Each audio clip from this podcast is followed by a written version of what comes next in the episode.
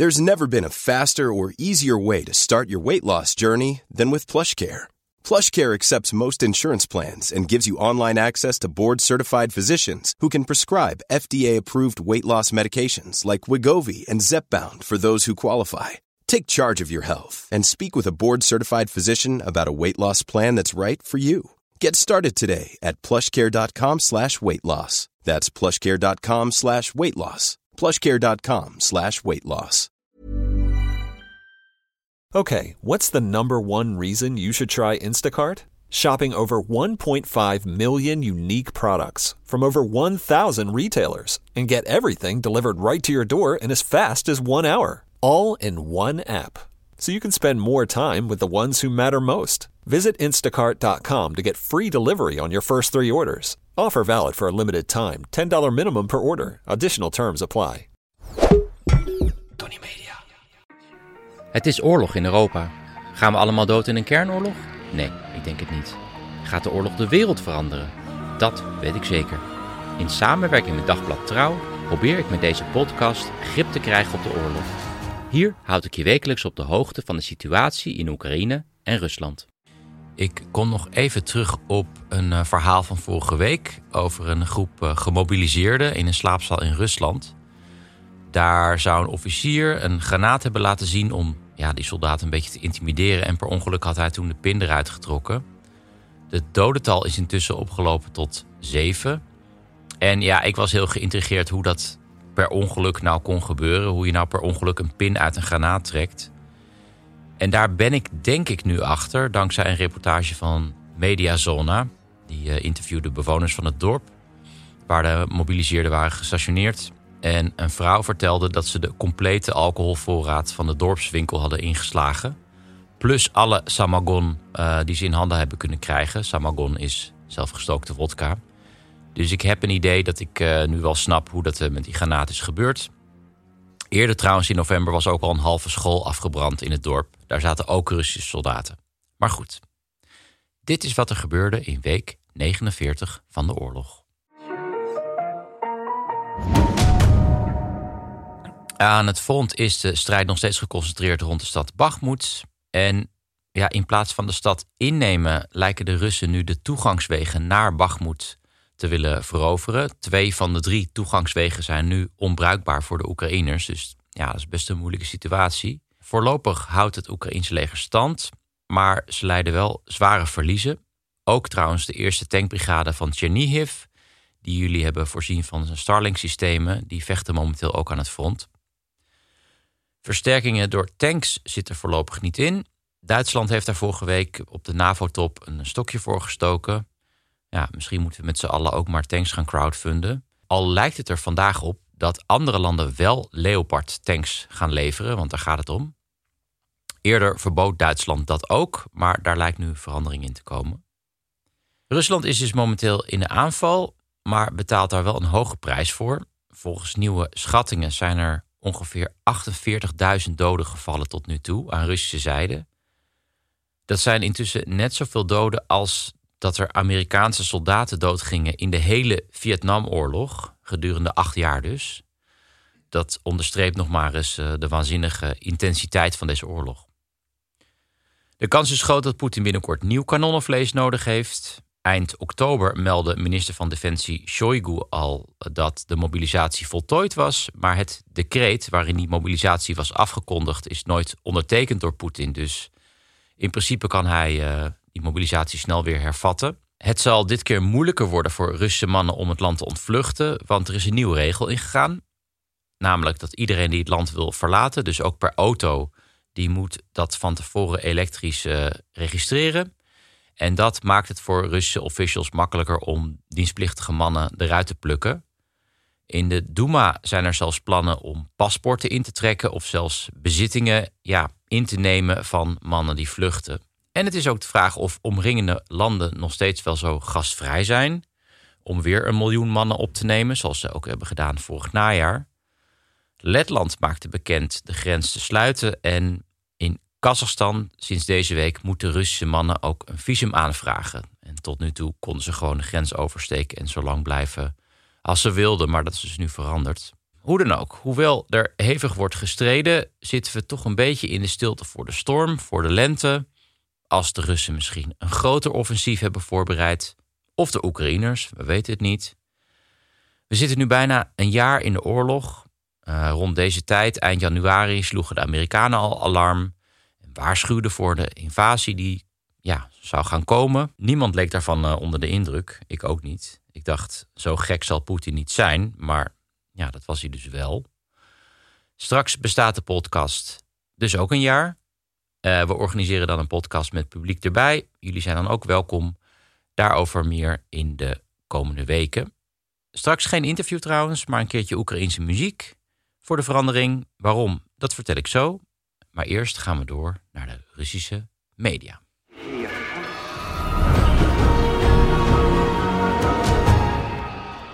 Op de ergste momenten van de oorlog is er gelukkig altijd nog de Russische televisie. The gift that keeps on giving. In dit geval een demonstratie van het ministerie van Noodsituaties. Er is dus in Rusland zo vaak een noodsituatie dat ze daar een ministerie voor hebben. Heel belangrijk ministerie zelfs. Want Shoigu, de minister van Defensie, was daar eerder minister van. Tijdens de demonstratie lieten ze de nieuwste innovaties zien in hun strijd tegen noodsituaties. In dit geval een paard. Uh, ja, tijdens de demonstratie legden ze een stretcher met een nepgewonde op een paard. Ja, superhandig. Ambulances zijn zo ouderwets. Alleen dat paard moest helemaal niks van die stretcher hebben en uh, rende het podium af. En die trapte zo die stretcher uh, in de lucht met slachtoffer en al. Ja, dit besprak ik al eerder. De moker die door Wagner werd gebruikt voor uh, echt een hele gruwelijke en publieke executie van een Wagner-soldaat. Die had zich overgegeven aan het Oekraïnse leger en was daarna naar Rusland teruggebracht als onderdeel van een uh, gevangenenruil. En op de video zie je hoe hij ja, met een mokor zijn schedel wordt verbrijzeld. Deze week plaatste Duma-lid Sergei Mironov een opvallende foto op Twitter. Mironov staat aan het hoofd van Rechtvaardig Rusland. Dat is een politieke partij. Ja, zogenaamd een oppositiepartij in de Duma, maar in de praktijk is hij gewoon een marionet van Poetin. En die Mironov die stond bekend als een redelijk milde politicus, maar op de foto staat hij met een moker in zijn hand. Dat heeft hij dan cadeau gekregen van Wagner. En op die moker is geschreven dat hij afkomstig is uit Bakhmut. En ja, kennelijk is het dus normaal dat een Duma-lid, dus ja, de Russische Tweede Kamer, achter een gruwelijke en volstrekt illegale executie staat. En dat laat ook een beetje zien in wat voor rap tempo Rusland verandert in een volbloed uh, schurkenstaat. Deze week ook opvallende protesten in Moskou en ook in andere steden van Russen die bloemen neerleggen bij monumenten van Oekraïnse schrijvers. Dit deden ze na dat ja, verschrikkelijke bombardement op een woonflat in uh, Dnipro. Ik besteedde er vorige week al aandacht aan.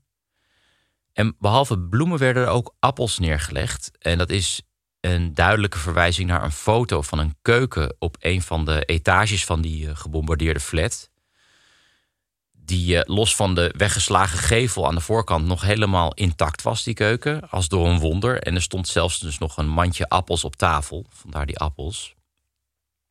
En uh, die Oekraïnse standbeelden die zijn er vooral in de buurt van station Kievskaya in Moskou. Waar tot voor kort de treinen naar Oekraïne vertrokken. Is echt een van de mooiste metrohaltes ter wereld trouwens. Eigenlijk een soort balzaal, moet je maar eens een keertje googlen. En ja, het zijn echt absurde beelden om te zien hoe agenten wachten tot iemand bloemen komt neerleggen en dan zo'n persoon rustig meenemen naar het politiebureau, want dat mag kennelijk ook niet meer, bloemen neerleggen. In Sint-Petersburg intussen is een monument weggehaald nadat die was beklad door een meisje van 17. Dat monument bestond uit twee harten. Die stellen Sint-Petersburg en Mariupol voor. Sinds kort hebben Sint-Petersburg en Mariupol een stedenband. Mariupol is natuurlijk die stad die aan het begin van de oorlog in puin is geschoten. En uh, ja, die wordt nu door de Russen bezet. Het is onbekend hoeveel oorlogsmisdaden daar hebben plaatsgevonden, maar het zijn er in ieder geval heel veel. En dat meisje had op het monument gekrabbeld: Moordenaars, jullie hebben deze stad verwoest, Judassen. Intussen in Mariupol doen de Russen wat ze ook in Grozny hebben gedaan, nadat ze die stad in puin hebben geschoten in de Tsjechische oorlog. Namelijk snel nieuwe flats bouwen. Die kunnen dan gebruikt worden in het journaal om te laten zien van... hé, hey, kijk, er is niks aan de hand, want er staan gewoon nieuwe gebouwen. Ik zag een uh, reportage van de Russische tv vanuit het Nevsky-district in Mariupol. En ja, de Russen hebben daar gewoon een hele wijk opnieuw opgebouwd. En dat is op zich best knap, want ja, de Russen zitten er pas een paar maanden. En dat ze dan toch die hele wijk neer kunnen zetten. En dat kan natuurlijk ook niet goed gaan. En dat blijkt wel uit de reportage, want een inwoner van een van de flats vertelt over een verkeerde wc-aansluiting in zijn appartement op de vierde verdieping, waardoor de derde verdieping onder water liep. En hij laat dan de tweede verdieping zien. En het plafond van die tweede verdieping hangt echt gevaarlijk laag. Er zit een soort van waterzak in die elk moment kan barsten. Ik zal een link in de show notes zetten. Dat fragment is in het Engels ondertiteld. Dus van de Russische tv. Ik denk dat de journalist die die reportage heeft gemaakt... nu wel haar baan kwijt is. Oké, en dan nog dit. Deze week gaf Poetin een speech in Sint-Petersburg. Dat was vanwege de herdenking van het beleg van Leningrad. Vroeger heette Sint-Petersburg Leningrad. En dat beleg speelde zich af in de Tweede Wereldoorlog, toen de stad meer dan twee jaar werd belegerd door de nazi's. Ja, die sloten gewoon alle wegen af, waardoor de bewoners werden uitgehongerd. En daarbij kwamen 800.000 mensen om het leven door kou en uh, door honger. Al die lichamen zijn trouwens gestopt in massagraven die je nog steeds kan uh, bezoeken, uh, net buiten Sint-Petersburg. Trouwens, die, die verschrikkingen die de Duitsers hebben uitgestort over de Russen, kan op zich ook meespelen bij de twijfels van de Duitsers bij het leveren van die uh, Leopard tanks. Want de Duitsers komen heel erg moeilijk van hun pacifisme af. In ieder geval zeven jaar na de oorlog is Poetin geboren in deze stad, Sint-Petersburg dus, die toen nog steeds echt herstelde van de oorlog. In een uh, biografie van Poetin, geschreven door journalist Andrei Kolesnikov, komt de lerares van Poetin van de lagere school aan het woord. En ja, zij vertelt over een jonge Poetin die als hobby heeft om die talloze ratten die dan in dat trappenhuis zitten weg te jagen met een stok. Dat zegt wat over eh, de staat van dat uh, huis of die flat. En ze vertelt verder: De Poetins zaten met z'n allen in één kamer. Ze hadden een afschuwelijk appartement. Ze woonden in een kommunalka, dus ze deelden de wc en de keuken met anderen. Er was geen warm water, geen badkuip.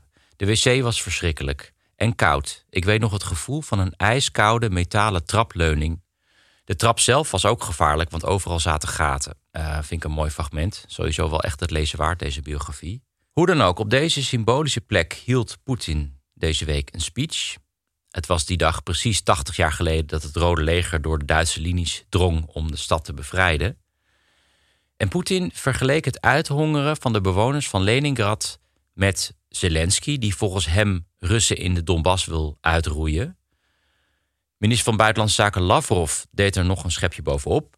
Want hij zei dat westerse landen de oorlog in Oekraïne gebruiken om voor eens en altijd het Russische vraagstuk op te lossen. Dit tussen aanhalingstekens.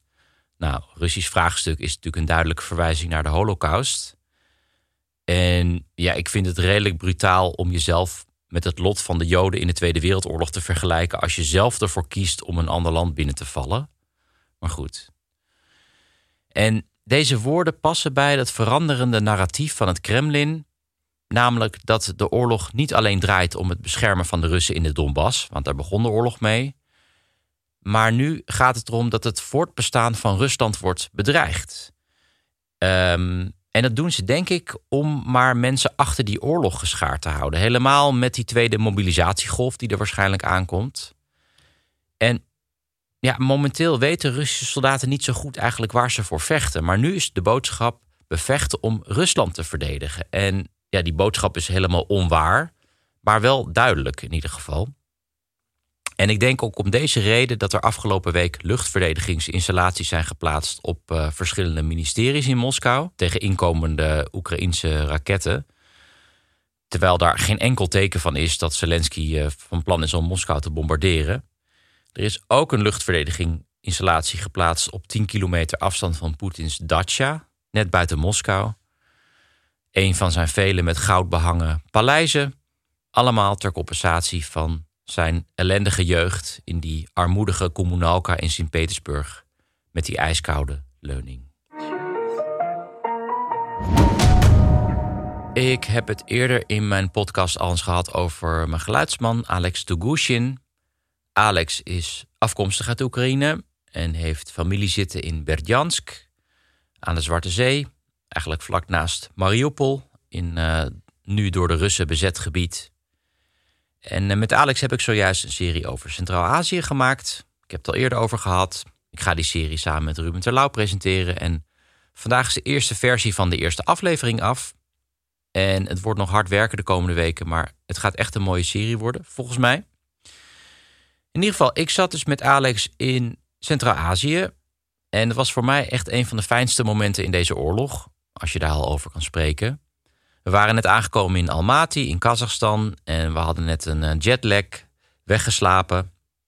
En ik werd wakker met op mijn telefoon het bericht dat de Krimbrug in brand stond.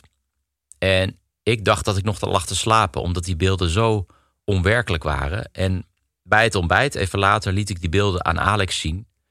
En die grijns van Alex toen hij die beelden zag, was echt goud waard voor mij. Echt een goed moment in deze oorlog. Hoe dan ook, behalve geluidsman speelt Alex ook gitaar. Hij stuurde mij vorige week een YouTube-link naar een cover van hem van een nummer van de Oekraïense band Okean Elzy. Alex spreekt van huis uit Russisch, maar sinds de oorlog is hij Oekraïens gaan leren. Net zoals trouwens talloze andere Oekraïners. En hij is dus ook nu Oekraïense muziek aan het leren. In dit geval dus van de band Okean Elzy. En Okean Elzy is een van de grootste bands van Oekraïne. Helemaal in het begin van de oorlog gaf de band een benefietconcert in een metrostation van Kiev tijdens een uh, bomalarm. Dus terwijl de bommen vielen, speelden ze dat concert. En die video die ging uh, viral. Het nummer dat Alex speelt heet Obimi Menye, oftewel Omhels me. Het gaat een beetje over de tijd dat de oorlog voorbij is. En de tekst luidt: Er zal een dag aanbreken dat de oorlog stopt. Als ik mezelf ben kwijtgeraakt en de bodem in de diepte heb gezien. Omhels me dan, zachtjes, en laat me nooit los. Laat de lente komen. Ja, het is echt een prachtig nummer. En uh, ja, dat wilde ik met jullie delen. En deze uitvoering is dus van Alex, die dus net de taal aan het leren is. Je gaat luisteren naar Obimi Mene van Okean Elzy,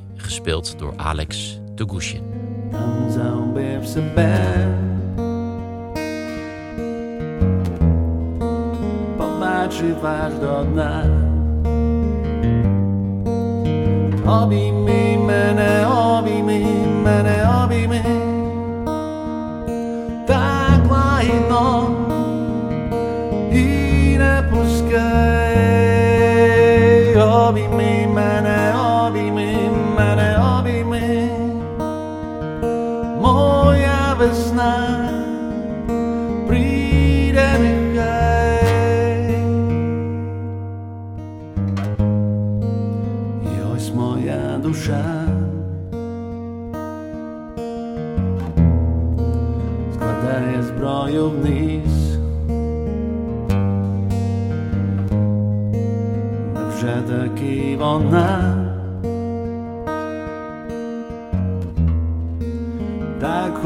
dagligst lies. Abi mi mene, abi mi mene, abi mi Tak lajno i ne puskaj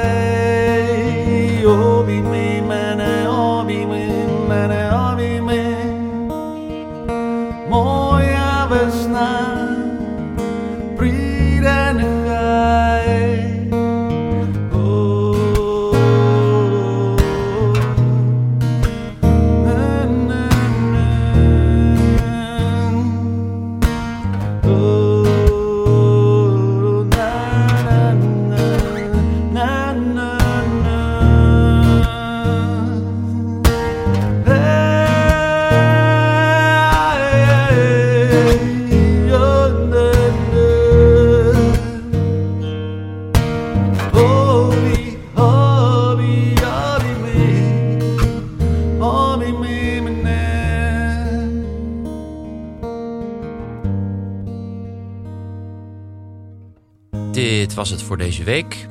Ik zal een link in de show notes zetten naar de YouTube-video van Alex. En die band, ook Jan Elzie, die treedt binnenkort op in Nederland. Op 23 maart staan ze in Avas Live in Amsterdam. De opbrengsten van het concert gaat naar humanitaire doelen in Oekraïne.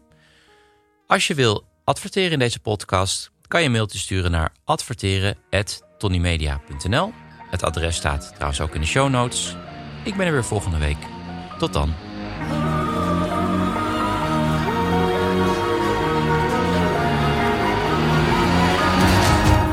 Dit was een productie van Tony Media en Dagblad Trouw. Voor meer verdieping ga naar trouw.nl. Planning for your next trip? Elevate your travel style with Quince. Quince has all the jet setting essentials you'll want for your next getaway, like European linen, premium luggage options, buttery soft Italian leather bags, and so much more. And is all priced at 50 to 80% less than similar brands. Plus, Quince only works with factories that use safe and ethical manufacturing practices. Pack your bags with high-quality essentials you'll be wearing for vacations to come with Quince. Go to quince.com slash pack for free shipping and 365-day returns.